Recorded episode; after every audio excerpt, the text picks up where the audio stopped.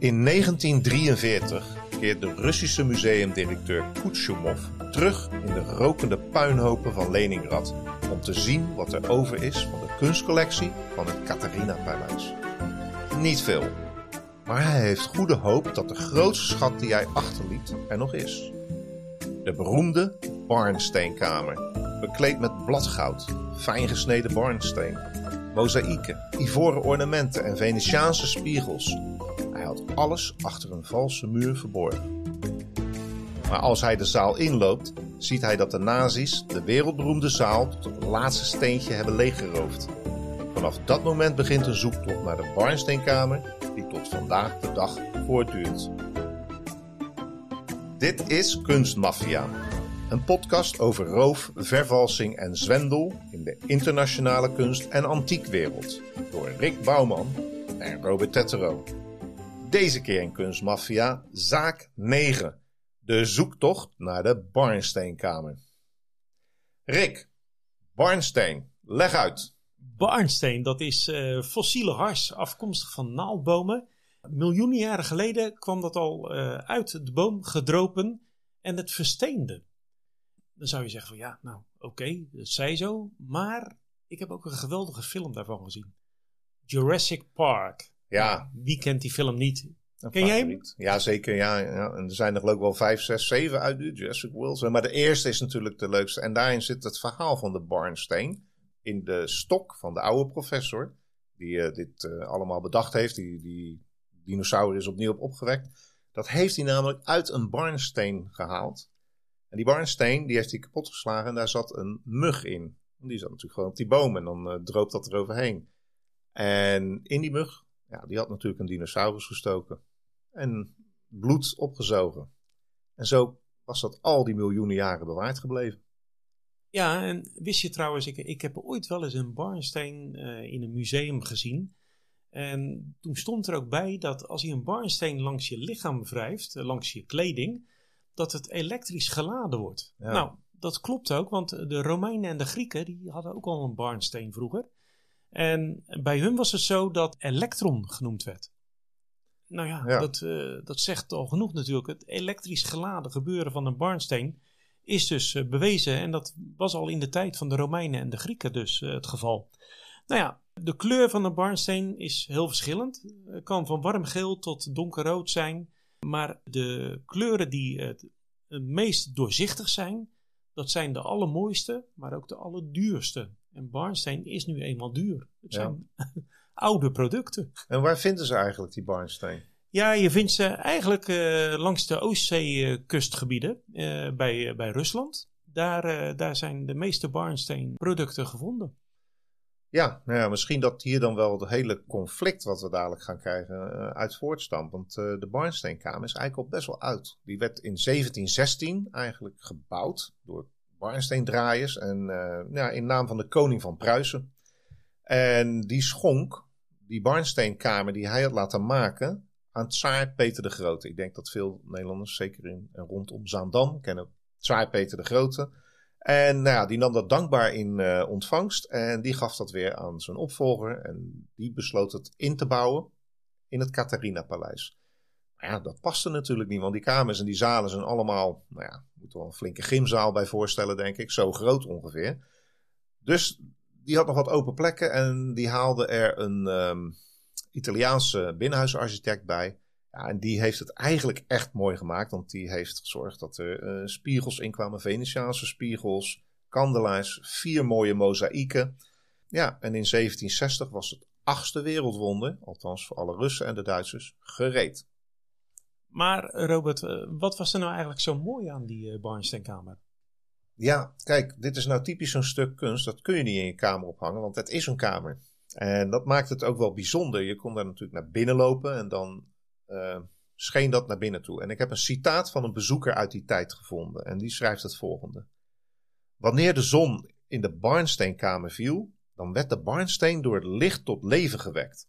Iedere steen, ornament, reliefs, busten, figuren en wapens straalde een symfonie van licht uit die niemand ooit zou vergeten. Ja, nou ja, dat is gewoon een vrij, mm, emotionele verklaring bijna hè, van hoe mooi dat geweest moet zijn. Ja, dat, dat zegt al genoeg natuurlijk. En nou ja, goed, jij vertelde dus zojuist dat uh, de Pruisen hebben het uh, geschonken aan de tsaar uh, Peter. Overigens, tsaar Peter moest wel 50 lange mannen schenken aan, aan de Pruisische koning. Want die was in een veldslag bezig met Zweden, begreep ik. En hij had wat lange mannen nodig. En die moesten allemaal twee meter en langer zijn. Ja, jongen, iedereen weet wel dat die Pruisen, dat waren de meest fanatieke Duitsers. En aardig oorlogszuchtig. En ja, deze man die had een soort obsessie met uh, reuzen. Nou ja, precies. Uh, het ging 200 jaar goed in, in het paleis. Maar dan is het 1941 inmiddels. Ja, zijn de nazi's op strooptocht richting Leningrad. zij veroveren daar dan ook het Catharina-paleis. En ze demonteren dan vervolgens ook de Barnsteenkamer en brengen naar slot Koningsberg terug. En daar wordt de kamer in 1942 tentoongesteld. En uh, dat gebeurt onder leiding van een zekere Alfred Rode. En deze Alfred Rode was en de Barnsteen-expert. En hij was ook de directeur van de kunstcollectie in uh, Koningsberg. Maar in 1944, drie jaar later, komen de naties natuurlijk toch in de problemen. De oorlog uh, gaat zich keren en zij moeten zich steeds meer gaan terugtrekken. En het Rode Leger dacht van ja, nu gaan wij uh, de aanval inzetten en zij gaan dus richting Koningsberg om daar de Barnsteenkamer in feite weer terug te halen. Ja, ik weet niet of dat hun echte doel was, maar ze waren in ieder geval, ja, alle fronten verloren de naties natuurlijk. Hè? Dus die krompen allemaal in, in, in midden-Duitsland. Ja, en, uh, en ook de kunst die eventueel uh, gevorderd was door de Duitsers, ja, die wilden de Russen natuurlijk ook wel terug hebben. En uh, wat ik begreep van jou eerder al, is dat ja, die kunstexperts, die liepen eigenlijk achter het leger aan. Ja, nou ja, kijk, ik denk dat mensen. We hadden het net over een film. Monuments Man is ook zo'n film. Een hele mooie film ook. Waar je ziet dat de Amerikanen, zeg maar, achter de linies. Uh, een speciale eenheid hebben. Die dus, zeg maar, alle kunst terug probeert te, te, te vinden. Onbeschadigd probeert te houden. Vanwege alle oorlogsgeweld. En dat dan terug te sturen naar de echte eigenaren. Maar in dit verhaal, inderdaad, de nazi's deden precies hetzelfde. Want gelijk na de verovering van uh, Leningrad of Sint-Petersburg, dezelfde stad kwamen er ook uh, een groepen die, die hebben die Barnsteenkamer weggehaald. Maar de andere kant op kwamen de Russen erachteraan. Ja, er gebeurde precies hetzelfde. Nou ja, goed, het Rode Leger die kwam dus uh, aan in Koningsberg. Inmiddels was Alfred Rode bezig om al die kunst te verzamelen en in kisten weg te stoppen. Want hij wilde graag die kisten op de trein zetten richting westen, de westkant, richting het Duitse gebied weer om uh, te zorgen dragen dat, uh, dat de kunst niet in handen van de Russen zou komen. Is dat gelukt? Ik weet niet. Ja, weet je, hij, dat is ook een beetje moeilijk, want uh, hij begint wel, er is wel heel veel brieven van hem teruggevonden, dat hij die opstuurt naar allerlei graven, baronessen, prinsen enzovoort. In Duitsland was het natuurlijk een soort verzamelstaat van, van oude edelen. En op zoek naar ruimte om die kisten te verbergen. Dat klopt. Alleen uh, wat er ook gebeurde in 1944 was dat uh, de Britten met de Royal Air Force uh, voorbij kwamen vliegen. Koningsberg werd behoorlijk plat gebombardeerd. En is die Barnsteenkamer nou eigenlijk niet vernietigd al door de Britten? Ja, dat is één van de grote vragen. En toch is er na dat bombardement op 12 januari 1945 een laatste brief van Rode gevonden waarin toch die Barnsteenkamer wordt genoemd. Die ligt dan ofwel in de kelder of in de kist al opgeslagen. Dus er is, ja, dat is dat, die verwarring. En dat is dan op het moment dat de Russen in feite volop uh, de stad aan het belegeren zijn. Ja, en binnenvallen. En de slag om uh, Kaliningrad, zoals zij het noemen, is, uh, is dan van start gegaan. En ook hier achteraan, kijk, we hebben in de opening genoemd, Kuchemov, dat was degene die de Barnsteenkamer probeerde te redden door het achter een valse muur te plaatsen. Dat mislukte. Die zit nu ook achter de linies. Die reizen eigenlijk achter het Rode Leger aan om hun kunst terug te halen. Nou ja, met een groepje kunstexperts komen ze dus ook het Koningsberg weer in. En wat ze dan eigenlijk vinden is dat het kasteel helemaal in puin ligt. En met de vrees natuurlijk dat alles verwoest is. Precies uh, ja, dat, dat dilemma wat we nu hebben. Ja, en die Alfred Rode die loopt daar ook ineens rond en die schijnt heel verward te zijn. Heel bijzonder verhaal eigenlijk van die man. Het lijkt bijna erop dat die man geen afscheid heeft kunnen nemen van zijn kunstcollectie. Het moet wel echt een liefhebber geweest zijn. Maar ja, hij is ook degene die aangezet heeft om, ja, in, de diefstal heeft meegewerkt. Dus het is heel dubbel. Maar hij is een beetje apathisch. Hij uh, wordt eigenlijk pas na een paar dagen eigenlijk ontmaskerd als Alfred Rode, de voormalige directeur. En als ze dan vragen waar is die Barnsteenkamer, ja, dan wordt het alleen maar verwarrender. Hij neemt ze mee naar een bunker in de stad. Dat lijkt een beetje op uh, uh, alsof daar de gangen zijn uh, opgeblazen. En ze gaan naar beneden toe. Ze zoeken, ze vinden niks. Kortom, na een paar weken ligt Alfred Rode dood tussen de puinhopen. En weten ze niet of hij vermoord of zelfmoord heeft gepleegd. Of gewoon een uitputting is, is overleden. Dat is ook een raadsel wat bij de Barnsteenkamer steeds terugkeert. Hij heeft dus nooit expliciet gezegd waar hij gebleven is. Maar heeft ook niet meegewerkt aan de verhoren die hij onderging. Nee, maar de Russen vinden wel uh, ondertussen duizenden kunststukken in uh, Koningsberg. Maar geen enkel uh, iets van de Barnsteenkamer. Nee, op een paar dingetjes na er is wel wat mozaïek teruggevonden. Die mozaïeken die zeg maar, door die Venetiaanse kunstenaar, binnenhuisarchitect waren aangebracht dat waren er vier. En Kuchimov vindt er drie terug, verbrand, eigenlijk niet meer waardevol. Ja, die denkt dan precies hetzelfde wat wij nu denken. Uh, is dat barnsteen? Is dat uh, misschien ook allemaal verbrand? Panelen, hout, barnsteen is ook brandbaar. En als we het dan toch weer over die barnsteen hebben, zowel bij de Russen als aan de kant van de Duitsers, werd barnsteen erg belangrijk gevonden. Het werd ook steeds meer een politiek gebeuren eigenlijk. Uh, bij de Duitsers was het vooral de dames die barnsteen juwelen droegen. Bij sporten was het zo dat uh, daar werden barnsteen medailles uitgereikt. En aan de kant van de Russen, daar werd het uh, ook als een Russisch erfgoed eigenlijk gezien. Ja, ze waren allebei heel erg trots op, hè, deze twee landen. Maar ik denk wel dat er ook wel wat meer is over van wie, is de, wie heeft die Barnsteenkamer nu eigenlijk gemaakt. En het was een beetje, het ging niet om alle kunst. Dit was zeg maar een beetje de pinnacle. Dit was de Rembrandt, uh, de nachtwacht van, uh, van Duitsland, zowel als van Rusland. Of het Lam Gods voor uh, Vlaamse luisteraars. Dat was zeg maar de waarde. En ja, die wilden ze allebei terug hebben. En ze claimden hem allebei. Hè? Het was eerst een gift en daarna is het teruggestolen. Dus ja, nou ja. Ja, en jij zei net al dat ze de drie muzieken hadden ze nog uh, teruggevonden, weliswaar uh, verbrand. Maar Kuchumov die dacht ook dat uh, de barnsteen in brand gevlogen zou kunnen zijn. Ja, dat klopt. Ja, een barnsteen is brandbaar. En bladgoud remt geen vuur. En, en de panelen waren natuurlijk ook van hout. Dus er is een grote kans dat ze inderdaad, nou ja, verbrand hadden kunnen zijn. Maar echte sporen vindt hij niet. Dus dat begint pas, pas aantal jaren na de oorlog. Dus een zoon van een hoge SS'er uit Koningsburg, dus uh, daar gewoond heeft, is in 1959 een jaar of 2, 23. En die heeft papieren van zijn vader teruggevonden, ja, zeg maar buiten in een schuur, in een kolenhok of wat, beschimmeld, niet goed te lezen meer. Dus hij, hij kijkt alles na, maakt daar aantekeningen van en verbrandt daarna omdat er is toch niks meer waard. Maar als hij daarmee naar buiten treedt, dan vinden andere mensen dat het wel heel waardevolle informatie is. Uh, bijvoorbeeld de Stasi, want we zitten natuurlijk nu achter het ijzeren gordijn in Oost-Duitsland.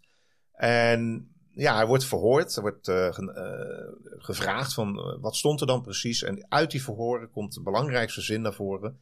En ik citeer dat. Bevel uitgevoerd. Barnsteenkamer opgeslagen in BSCH. Dat is in hoofdletters. En de ingangen gecamoufleerd of opgeblazen. Nou, dat lijkt heel erg natuurlijk. Uh, dus het staat erin, Barnsteenkamer. En er staat ook in een cryptische omschrijving BSCH, waarvan ze niet weten wat het is. Maar het komt wel overeen met Barnsteenkamer. En het is 59. En ja, ze geloven hem. Maar één dingetje wat niet helemaal klopt, dat is de ondertekening van die brief. Want dat zou normaal gesproken zijn een titel en een achternaam. Bijvoorbeeld Obersturen Vuur nog wat. En hier was het gewoon voor- en achternaam van zijn vader. En ja, en dat vonden ze vreemd. Maar ze denken, ja, god, hij kan het ook verkeerd hebben opgeschreven of niet goed hebben gelezen. Dit is de aanwijzing. De Barnsteenkamer moet in BSCH liggen. Nou, geen idee wie dat gaat uitzoeken. Nee, en, dan, en als je dan het hebt over ingangen gecamoufleerd en dergelijke, dan denk je toch al gauw aan bunkers of Precies. ondergrondse gangenstelsels. Die Onder kastelen kastelen in, de, in, de, in de, de kelders daarvan. Want je denkt natuurlijk al gauw dat er heel veel gangenstelsels waren in die tijd. Ja, die waren er ook. zeker in kastelen. Traditioneel natuurlijk bijna om een vluchtweg te hebben uit een kasteel of een paleis. Maar zeker in de tijd van de nazi's. Hè, die hebben natuurlijk overal bunkers gebouwd. Maar ook al hun kunst, Geuring, Koch, uh, en al die andere lui, er zijn ook allemaal geruchten van, van schepen is weggebracht, duikboten vol met goud. Dus ze probeerden alles weg te krijgen op tijd. Ja, en dat ging toch uh, naar het centrum van Duitsland toe. Ja, nou goed. De Stasi die is inmiddels toch uh, ook uh, flink aan de slag rondom die Barnsteinkamer. En die wil het eigenlijk terug gaan vinden voor de Russen. Want ja, de Stasi, DDR, uh, onderdeeltje van Groot-Rusland. Om het zo maar te zeggen. Wie de Koetmacht Precies. Van, en in 1964 wordt een Paul Enke, een Stasi-man, die wordt aangewezen om zich te gaan bemoeien met het dossier BSK, oftewel de Barnsteinkamer. In Kaliningrad uh, oftewel... Uh, Koningsberg. Koningsberg. dat geeft niet. Ik, heb het ook... ik, ik denk dat ik maar meer Koningsberg zal noemen ja, dan Kaliningrad. Is, uh... Maar dat is dus hetzelfde inmiddels. Hij analyseert daar de brieven van, van Rode. Om te zien welke kastelen in de Pruisen gebruikt zijn voor, voor deze kunstschatten. Ja, hij, hij, schreef die brieven natuurlijk naar al die baronessen en, en prinsen enzovoort. En ja, daar zijn afschriften van bewaard gebleven. En die, ja, die enke die moet natuurlijk ergens beginnen. Ja, dus uh, ja, zo komt hij toch bij uh, de grootste van alle kunstrovers. Ene Keuring. En die kennen we uit onze eerste aflevering nog. Ja, Keuring die uh, was een groot liefhebber natuurlijk van alle kunsten die je maar kon verzinnen. En hij had een eigen landgoed van 1200 vierkante kilometer. Meren, bossen, alles was daar te vinden. Maar met meerdere Stasi-mensen, meer dan honderd, zijn ze daar honderden. Ja. hebben ze daar uh, rondgekeken en gezocht in, in, in de meren zelf, eh, in, in gangenstelsels. Maar uiteindelijk werd er helemaal niets gevonden. Nee, en dat allemaal onder de persoonlijke leiding van kameraad Barnstein. Zoals Paul Enke inmiddels uh, bekend werd. Door dit grote onderzoek had hij wel zijn reputatie gevestigd. Ja, en natuurlijk ook een soort van verplichting op zich afgeroepen. Hij moest natuurlijk wel met iets komen. Ze moesten die Russen natuurlijk tevreden stellen. Kijk, wij Duitsers, Oost-Duitsers, geven jullie de Barnsteinkamer terug. Nou ja, dus zijn motief was duidelijk en zijn uh, drijfveer denk ik ook. En toch, hij kon niet bij één persoon komen. En dat was Erich Koch. En dat was zeg maar de allerbelangrijkste nazi van Pruisen in Koningsberg. En die zat gevangen in West-Duitsland, dus die kon hij niet persoonlijk verhoren. Maar in een van de brieven, of in een van de verhoren, had hij wel gelezen dat de man gezegd had: Wie mijn kunstverzameling vindt, die vindt ook de Barnsteenkamer terug. Dus dat was, ja, zoals in elke schatzoektocht, uh, zeg maar, of een jacht op de schat, is er altijd zijn er dit, hè, dat BSCH. En iemand die wat verklaard heeft, en daar houden die schatzoekers zich aan vast. En ook kameraad Barnstein. En nou ja, hij wijst ongeveer 100 mogelijke locaties aan in Turingen. Vooral landhuizen, kastelen, paleizen. Gebaseerd op die ene uitlating, omdat een trein die kant op gegaan is, maar ook omdat Koch uh, uit die omgeving kwam en daar zijn kunstverzameling wilde onderbrengen. Dus ja, hij vermoedt dat het daar uh, neergelegd is door Koch. Misschien als een middel om te onderhandelen. Net zoals in de andere afleveringen hebben we het veel gehad met uh, Arthur Brandt ook over kunst als onderhandeling voor vrijheid of onderhandeling voor geld of wat dan ook. Ja, die nazi's die op de vlucht waren, die hadden hetzelfde motief waarschijnlijk. En inmiddels uh, pakt uh, onze kameraad Barnstein die pakt de zaak op, maar breekt wel zijn hoofd inmiddels over de locatie BSCA. Maar heeft daar wel een theorie voor en die rapporteert hij dan ook aan de Stasi-top. En die geeft hem dan ook groen licht om al het geld wat beschikbaar is voor hem uh, te gaan gebruiken. Is mooi voor hem natuurlijk, want ja, die hele theorie was niet echt een. Uh, nou, was meer een beetje een bevestiging van zijn eigen geloof misschien. Maar ja, hij is natuurlijk in Turingen aangekomen. Hij gaat archieven uitpluizen. Daar waren de nazi's goed in natuurlijk. Alles werd op papier gesteld. Maar hij, hij spreekt ook gewoon mensen in de straten waar dingen gebeurd zijn. Van uh, uh, wat hebben jullie gezien? Hebben jullie die trein? Waar is die trein heen gegaan? Dus ja, hij doet echt een veldwerk. En dan doet hij iets bijzonders. Namelijk met honden. Honden kunnen natuurlijk uh, truffels ruiken. Voorheen waren dat varkens. Maar dan denken ze, kunnen ze dat ook met barnsteen? Nou ja, het lukt. Ze stoppen ergens een barnsteen, die worden gevonden. En dan trainen ze die honden en die zetten ze ook overal op. Maar ja, dan moet je wel ergens zijn waar de barnsteen is natuurlijk. Ja, en zo zoeken ze dan de ene na de andere kasteelkelder zoeken ze uit of daar wat te vinden is. er worden allerlei afgravingen gedaan. De eerste miljoenen marken die vliegen door, door de vingers. Maar er wordt helemaal niets gevonden. Nee, en dat wordt echt een probleem, want de DDR in die tijd was echt in de financiële problemen geraakt. Dus uh, dat kan eigenlijk niet meer. En dan toch nog begint hij met een heel groot project in 1987. Ze zijn alweer 20, 25 jaar is hij al aan het zoeken. Hij gaat met zijn vrouw op vakantie in Aue in midden-Duitsland. En ja, niet helemaal toevallig denk ik, want hij vermoedt wel dat daar in de omgeving misschien wel die Koch met zijn uh, trein is aangekomen en zijn spullen in een bunker heeft verborgen. En dan hoort hij ook nog dat er Amerikanen geweest zijn in 1945 die daar uh, doorzoekingen hebben gedaan en daarna toegang tot een bunker hebben opgeblazen. En als, hoe zeg je dat ook, slag op de vuurpijl? Als klap op de vuurpijl? Klap op de vuurpijl. Helemaal in het begin. Hij heeft natuurlijk al die verhalen gehoord van de zoon van een topnazi die hij verhoord heeft in 59. En ja, daar rusten al die theorieën op en die komt daar vandaan. Ja, dat is eigenlijk toch eh, haast niet mogelijk. Het is te gek voor woorden dat alles zo samenvalt. Dan zou je zeggen van of die Barnsteenkamer moet daar te vinden zijn, of alles is gewoon ja, ja bedacht. verzonnen, bedacht. Ja, en daar, en daar moet hij het mee doen. Maar ja, hij is inmiddels 25 jaar bezig. Ga je dan zeggen van uh, Stasi-top? Dit berust allemaal op een misverstand. Ik denk dat je dat beter niet doet tegen een geheime dienst die ook nogal een beetje een reputatie heeft van zeer gevaarlijk. Nou ja, hij tuigt toch nog een heel enorm project op met uh, ruimtes die weer uitgegraven worden. Dus ook mijnen waarin uh, nou ja, zeg maar water gelopen is. Dus er moeten baggermachines komen. Die haalt hij uit Zwitserland. Want die Zwitsers, ja, die baggeren wel. maar die kosten 5000 mark per week. Ja, en dit is een project wat gewoon maanden en maanden doorgaat. Dus ja, meetapparatuur wordt aangevoerd, nog meer honden. En weer een paar miljoen. En dan Stasi-top de geheime dienst vraagt van, nou kameraad Barnstein, wat heb je tot nu toe gevonden? Dan heeft hij niet meer dan een paar oude laarzen en een schoffel die hij gevonden heeft. En na 30 jaar sturen ze hem toch maar met pensioen. Dat is een stuk goedkoper. En dan komt plotseling een nieuwe naam in beeld, maar dan wel van de westkant. Oftewel vanuit uh, West-Duitsland. En dat is Georg Stein. Hij groeide op in uh, Koningsberg, dat wel. En hij vocht ook in de Tweede Wereldoorlog tegen de oprukkende Russen. Uh, terwijl overigens zijn familie uh, door de nazi's vervolgd werd. Dat was wel uh, opvallend. Maar goed, na een jaar krijgsgevangenschap vlucht hij naar het westen en begint daar dus een aardbeienkwekerij.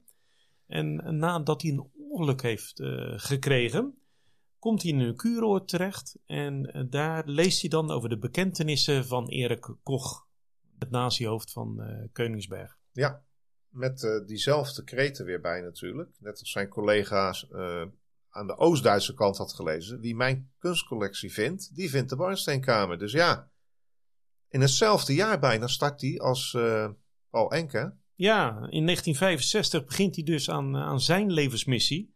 En stort hij zich op alle West-Duitse archieven. Ja, en nou ja, hij doet een uh, tocht. Hij gaat dus eigenlijk echt uh, zoeken in West-Duitsland. Want daar heeft hij. Kijk, dat is het leuke, Rick. De een die heeft uh, in Oost-Duitsland. die kan geen toegang krijgen tot de West-Duitse archieven. En, en, en aanwijzingen of mensen spreken. En Georg Stein niet aan de oostkant. Dus hij gaat ja, via de Duitse kant op zoek. En uiteindelijk, na jaren van onderzoek, vindt hij in een Duitse kunsthal. Een soort museum. Een hele kostbare iconencollectie Iconen, dat zijn uh, heilige beelden, hè, gemaakt van mozaïek of geschilderd. En die waren allemaal geroofd uit een uh, Russisch klooster. En nou ja, die wil hij teruggeven aan de Russen. Want, nou, daar word je niet populair mee. Nee, maar aan de andere kant, nu had hij dat wel geweest. Want nu is er een heel issue over roofkunst wat terug moet naar de landen waar het vandaan kwam. En hij vond dat toen al. Maar hij werd uh, een landverrader genoemd in West-Duitsland. Ja, toch niet die uh, iconen teruggeven aan de Russen. Maar het was uh, geen makkelijke man. Hij was aardig uh, ja, tegen de stroom in, zeg maar. En hij uh, verzamelde journalisten om zich heen. probeerde publiciteit te krijgen. Hij schreef zelfs de president aan. Of van, van, waarschijnlijk van de, een bondsprovincie. en uiteindelijk heeft hij wat succes. Want de Russen de Sovjets in die tijd nog, die verzoek, doen een verzoek om teruggave van die iconen. Ja, en dan kan de Duitse politiek geen nee zeggen natuurlijk. Want ja, en ja, hier zie je natuurlijk helemaal de parallel met de Barnsteenkamer wat dan zou gaan gebeuren. Want daar is hij eigenlijk naar op zoek. Maar hij geeft dit terug. De West-Duitsers werken mee. De orthodoxe kerk krijgt de iconen terug. En hij krijgt als eerste niet-Rus de Vladimir-orde op zijn uh, borst geprikt. Ja, dat is een uh, hele hoge onderscheiding al daar. Het nieuws wordt ook opgepikt door een eh, baron van Vels Fijn. Dat is een telg van een Russische adel. En deze is na de revolutie in Rusland als kind gevlucht voor de communisten naar Berlijn toe. Maar ook deze baron is al tijden op zoek naar de Barnsteenkamer. En hij nodigt dan ook Stijn uit en financiert hem ook. Want deze baron heeft wel de centen beschikbaar om, om wat extra dingen te kunnen doen. Nou, de baron heeft contact in Rusland. Stijn heeft dat inmiddels ook door zijn iconen die hij overgedragen heeft en de onderscheiding die hij gekregen heeft. Ja, hij schrijft de Stasi aan om te kijken of daar niet wat antwoorden te vinden zijn van de Barnsteenkamer. Ja. Maar wie zou hij uh, zijn brief uh, terecht laten komen Ja, ik denk naar kameraad uh, Barnstein, oftewel Paul Enke. Ja, die, die geeft zijn ware identiteit niet vrij natuurlijk, maar die neemt wel graag deze informatie in ontvangst. Dus u ziet al dat er een spel wordt gespeeld. En ja, die Barnsteinkamer wordt eigenlijk een soort politiek instrument. Het telkens terugkeert in het nieuws van ja, wie is die, waar is die dan? En als die gevonden wordt, waar gaat die dan heen? En eigenlijk voor Rusland is het misschien wel makkelijker als die gewoon in West-Duitsland gevonden wordt. Want dat, ja, net als met die iconen, een beetje gênant. Als hij in Oost-Duitsland gevonden wordt, nou ja, ja dan hij, krijgen ze sowieso wel terug. Ja, het is een beetje een. Uh, ja, het komt de Sovjets allemaal niet zo heel goed uit als die uh, Stein, zeg maar, veel te veel in de media komt en zegt dat de DDR, de Stasi, helemaal niet meewerkt. Dat ze helemaal geen informatie willen geven. Dat is precies wat ze niet willen. Dus de Sovjets, de KGB, geeft opdracht aan de Stasi. Neem contact op met Stein. Nou, en dat is Paul Enke natuurlijk. Dus hier krijg je die wissel, rare wisselwerking van uh, verschuilen en uh, achter andere identiteiten. Maar in ieder geval, Stein krijgt wel wat informatie, maar net niet voldoende. En die begint een soort van obsessie te ontwikkelen. Die wordt, uh, nou ja, misschien een beetje gek. Hij denkt dat er in een zoutmijn in Volprihausen, dat ligt ook in Midden-Duitsland, sinds 1938 een munitiedepot is gebouwd door de nazi's. En in 1944 zijn tientallen treinwagons met kunst daarheen gebracht. En nou, in 1978 begint hij een heel groot onderzoek. Maar ja, hij heeft te weinig geld voor opgravingen, maar besteedt de volgende jaren aan het spreken van getuigen. De mijn die is eh, deels opgeblazen en uitgegraven en kost miljoenen. En dat staat niet in verhouding tot de vage hoop. En bovendien heeft die Stijn helemaal geen harde bewijzen. Wel lijkt het steeds meer uh, dat hij uh, echt een beetje paranoia wordt. Ja, hij zegt een keer op een gegeven moment van ik ben aangevallen en ik ben uh, ja, ontvoerd. En dan legt hij al heel snel de schuld bij het zijn misschien wel oud-nazi's die mij willen weerhouden hiervan. Of het is de Stasi. En ja, een jaar later pleegt zijn vrouw zelfmoord. En ja, dan gaat het helemaal fout. Zijn aard eh, bij je kwekerij, ja, ben je daar nog als je het hele land doorstuift op zoek naar een barnsteenkamer? Waarschijnlijk ook niet. Zijn schulden lopen op. Nou ja, dan gaat helemaal niet goed met uh, Stijn. En in uh, eh, 1987, hetzelfde jaar als waar Paul Enke moet stoppen, beweert hij dat de Barnsteenkamer in 1945 gestolen is door de Amerikanen en inderdaad naar de Verenigde Staten is verscheept. Hij neemt contact op met uh, Valtsfijn in een periode waarin hij zegt door oud-SS'ers te zijn aangevallen op een bosweg waar hij een afspraak over de Barnsteenkamer zou hebben. Hij wordt gevonden met messteken in zijn buik. Ja, is dat uh, zelfmoord geweest of is het moord geweest? Dat is allemaal heel onduidelijk, want uh, zijn buik ligt volkomen opengesneden. Ja, dat is een, een paar keer gebeurd en de laatste keer is het inderdaad fataal. En zelfs Paul Enke, die in de, ja, in Oost-Duitsland zit, die denkt ook dat het een complot is uh, van oud-nazi's. Die willen voorkomen dat de Barnsteenkamer teruggaat naar Rusland. Nou, enige die nog uh, uh, wel enig geloof is, is onze baron van Vals Fijn. En die koopt het hele archief op van Stein en ja, die gaat gewoon door met zijn onderzoek. Ja, en dan in 1991 eh, meldden een aantal kranten dat de Barnsteenkamer zich in Weimar zou bevinden. Een bekende plek. Een stadje in Turingen. De nazi's bouwden hier in de jaren 30 een uh, complex van gebouwen en ondergrondse tunnels. En volgens mij was daar in het midden ook nog een heel groot plein wat uh, benoemd werd naar Hitler. Ja, Paradeplein. Hitler, Hitler Paradeplein. En er waren ook veel ondergrondse tunnels dus.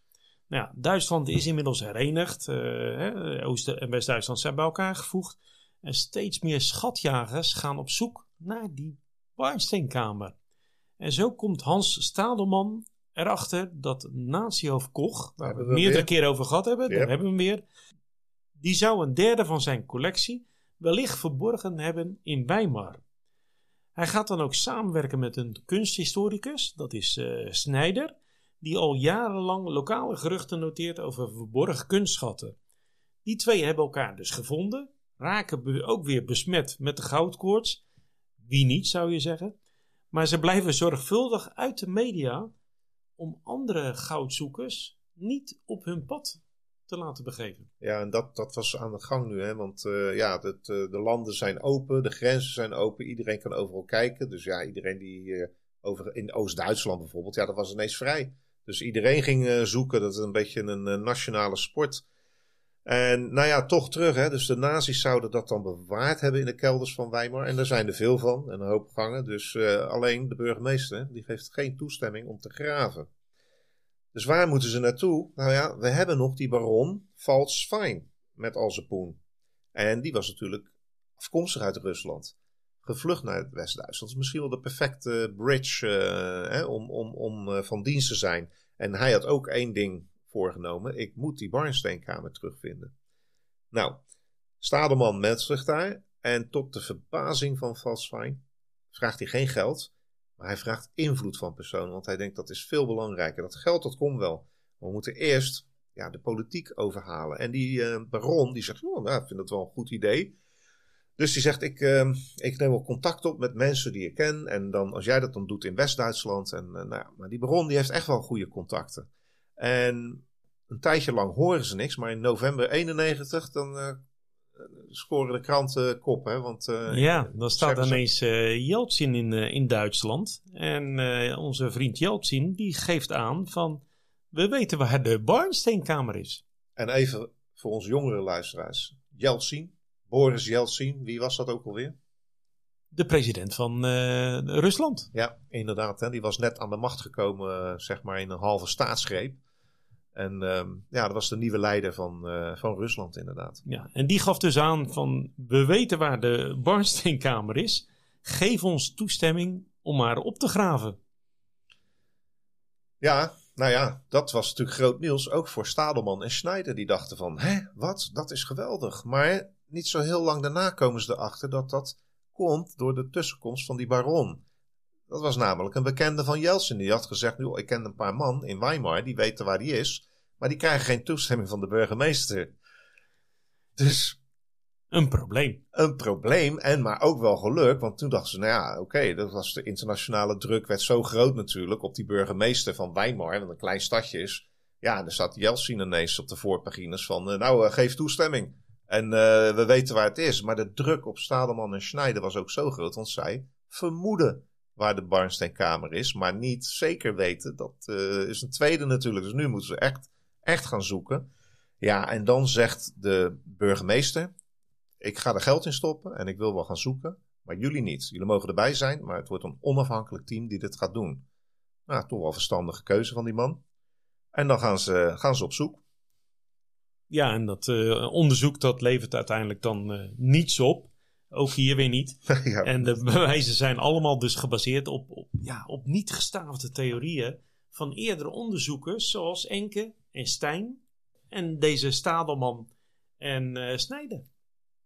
Ja, Rick, dus waar zijn we nu precies aangekomen? Hè? Uh, we hebben die twee grote speurzoekers, uh, Enke en Stijn, gehad. Nou, die hebben uiteindelijk na 30 jaar zoeken en best wel veel middelen is het ze niet gelukt. Dan krijgen we Stadelman en Snijder die samen met de baron het geld hebben en, en de invloed hebben, maar ook hun locatie levert niks op.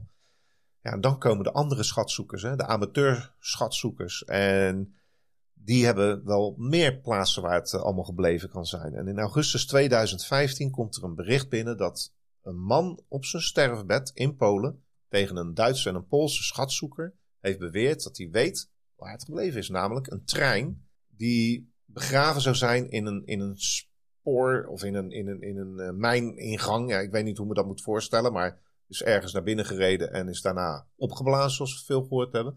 Ja, wat denk jij, Rick? Uh, er zijn toch wel meer treinen in die tijd zoek geraakt als we dit verhaal een beetje uh, ja, je, je, kan heel Polen en Duitsland doorrijden om, om verschillende treinen te gaan vinden in, in mijnschachten en waar dan ook. Maar ja, het verhaal wat jij nu net vertelt wordt ook door veel mensen als ongeloofwaardig gezien. Het wordt eigenlijk bestempeld als een soort van uh, legende. Maar goed, veel schatzoekers waren inderdaad actief natuurlijk. En zelfs het Poolse leger is natuurlijk al sinds 1945 op zoek naar verdwenen treinen.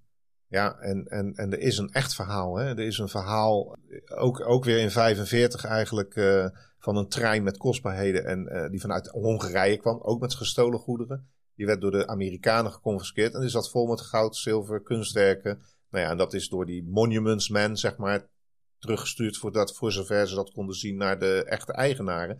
En ze denken dat dit misschien ook wel model heeft gestaan voor zo'n soort moderne mythe. Ja, en, en, bij die trein wordt ook gesuggereerd dat daar onderdelen van de Barnsteenkamer in uh, zou gezeten hebben. Nou ja, wie weet. Maar ja, een van de laatste berichten, 2017 volgens mij nog, zijn er drie schatzoekers die zeggen: nee, die trein die staat niet in Polen, maar in een tunnelstelsel nabij Dresden. Ja, dus dan zou die in Dresden staan. nou ja, daar hebben ze ook gezocht. En ze hebben een eh, enorm lang en diepe tunnelstelsel in het gebergte gevonden. Maar uh, na het graven is, uh, is de ingang ingestort en was het gangenstelsel niet toegankelijk. Ja, we hebben wat afgegraven, die Duitsers, hè, in hun uh, eigen land. Maar um, een beetje naar een conclusie gaan eigenlijk. Dan ben ik wel benieuwd van... Hoe zit het nou precies met die, met die Barnsteenkamer? Hè? Die is, uh, er is een, is een schrijf van Kutschumov waarmee we dit verhaal begonnen zijn. Eigenlijk degene die dus uh, ja, de conservator was en de directeur van het Carina-paleis in 1932. En dan schrijft hij... Elke dag als ik in de Barnsteenkamer kom, vind ik steentjes op de vloer. Dus hij was wel een beetje aan het afbrokkelen in die tijd na twee eeuwen. En er zijn ook verklaringen dat als de nazi's zeg maar die valse muur die Kutschumov had gemaakt afgebroken hebben, dat een aantal officieren, met dan die SS-dolken, die peurden hier en daar wat steentjes eruit dat is leuk. En dat moest dan weer gestopt worden door de kunstmannen die zeiden, nee, nee, niet doen, want het is, weet je. En dan werd hij ontmanteld. En dan wordt hij geplaatst in Koningsberg, in, uh, in dat paleis daar. Uh, vlak voor het bombardement natuurlijk. Hè? En dan wordt hij opnieuw opgebouwd. Maar ja, die past natuurlijk niet. Dus die moet weer aangemeten worden. Nou, dan bleek weer dat de ramen te klein waren. Dus dat mooie schouwspel, ja, dat komt er ook niet helemaal uit. En als je dan dat magische effect niet hebt en je gaat denken van, ja, die Barnsteenkamer, die is dan 80 jaar, ligt die ergens in een mijn of in een kisten of wat dan ook. Dat hout, dat is kromgetrokken. Uh, denk ik, hè. Dat is uh, geen feit. Maar ja, is ze niet gewoon al lang vergaan, denk je? Of, of is er toch nog ergens een spoortje achtergebleven, Rick? Nou ja, over sporen gesproken. Hè. Eh, we zijn nog steeds uh, op zoek naar de juiste trein. Er zijn genoeg treinen voorbij gekomen inmiddels in het verhaal, maar uh, de juiste trein is nog nooit gevonden. maar er zijn ook wel echte sporen gevonden. zo is er in 1997 in, in Bremen is namelijk het vierde mozaïek van de Barnsteenkamer gevonden en in beslag genomen. Ter waarde van trouwens 2,5 miljoen Duitse marken. Ja, daar werd hij voor aangeboden. Daar werd hij voor aangeboden. En ja, uh, ja die moest, uh, moest terug. En in 2000 wordt er in Hamburg een, een bod gedaan door een kunsthandelaar op een 18e-eeuwse commode. Maar die blijkt achteraf ook al in de Barnsteenkamer gestaan te hebben. Dus er zijn wel degelijk stukken nu gevonden die onderdeel uitmaakte van de Barnsteenkamer. Ja, en dat is natuurlijk weer voeding voor alle speurders uh, die op zoek gaan naar de Barnsteenkamer. Maar goed, kijk, weet je, uh, conclusie. Die oude Barnsteenkamer, denk ik, die is vergaan. Want ook als je na zoveel jaren het terug zou vinden, dan worden die stenen dof. Uh, ja, dat is niet meer de pracht en praal wat het ooit geweest is. Het zijn geen diamanten en robijnen, dat is uh, hars, een soort van hars. Maar eigenlijk kunnen we gewoon weer bezichtigen.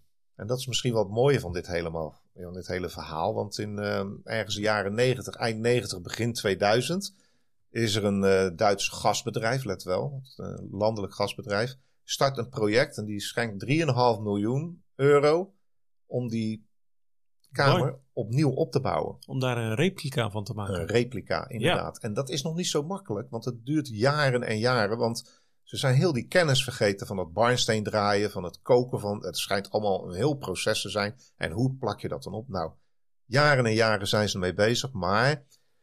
Nou, nog een keer 12 miljoen euro erbij, 6000 kilogram aan amber bij elkaar.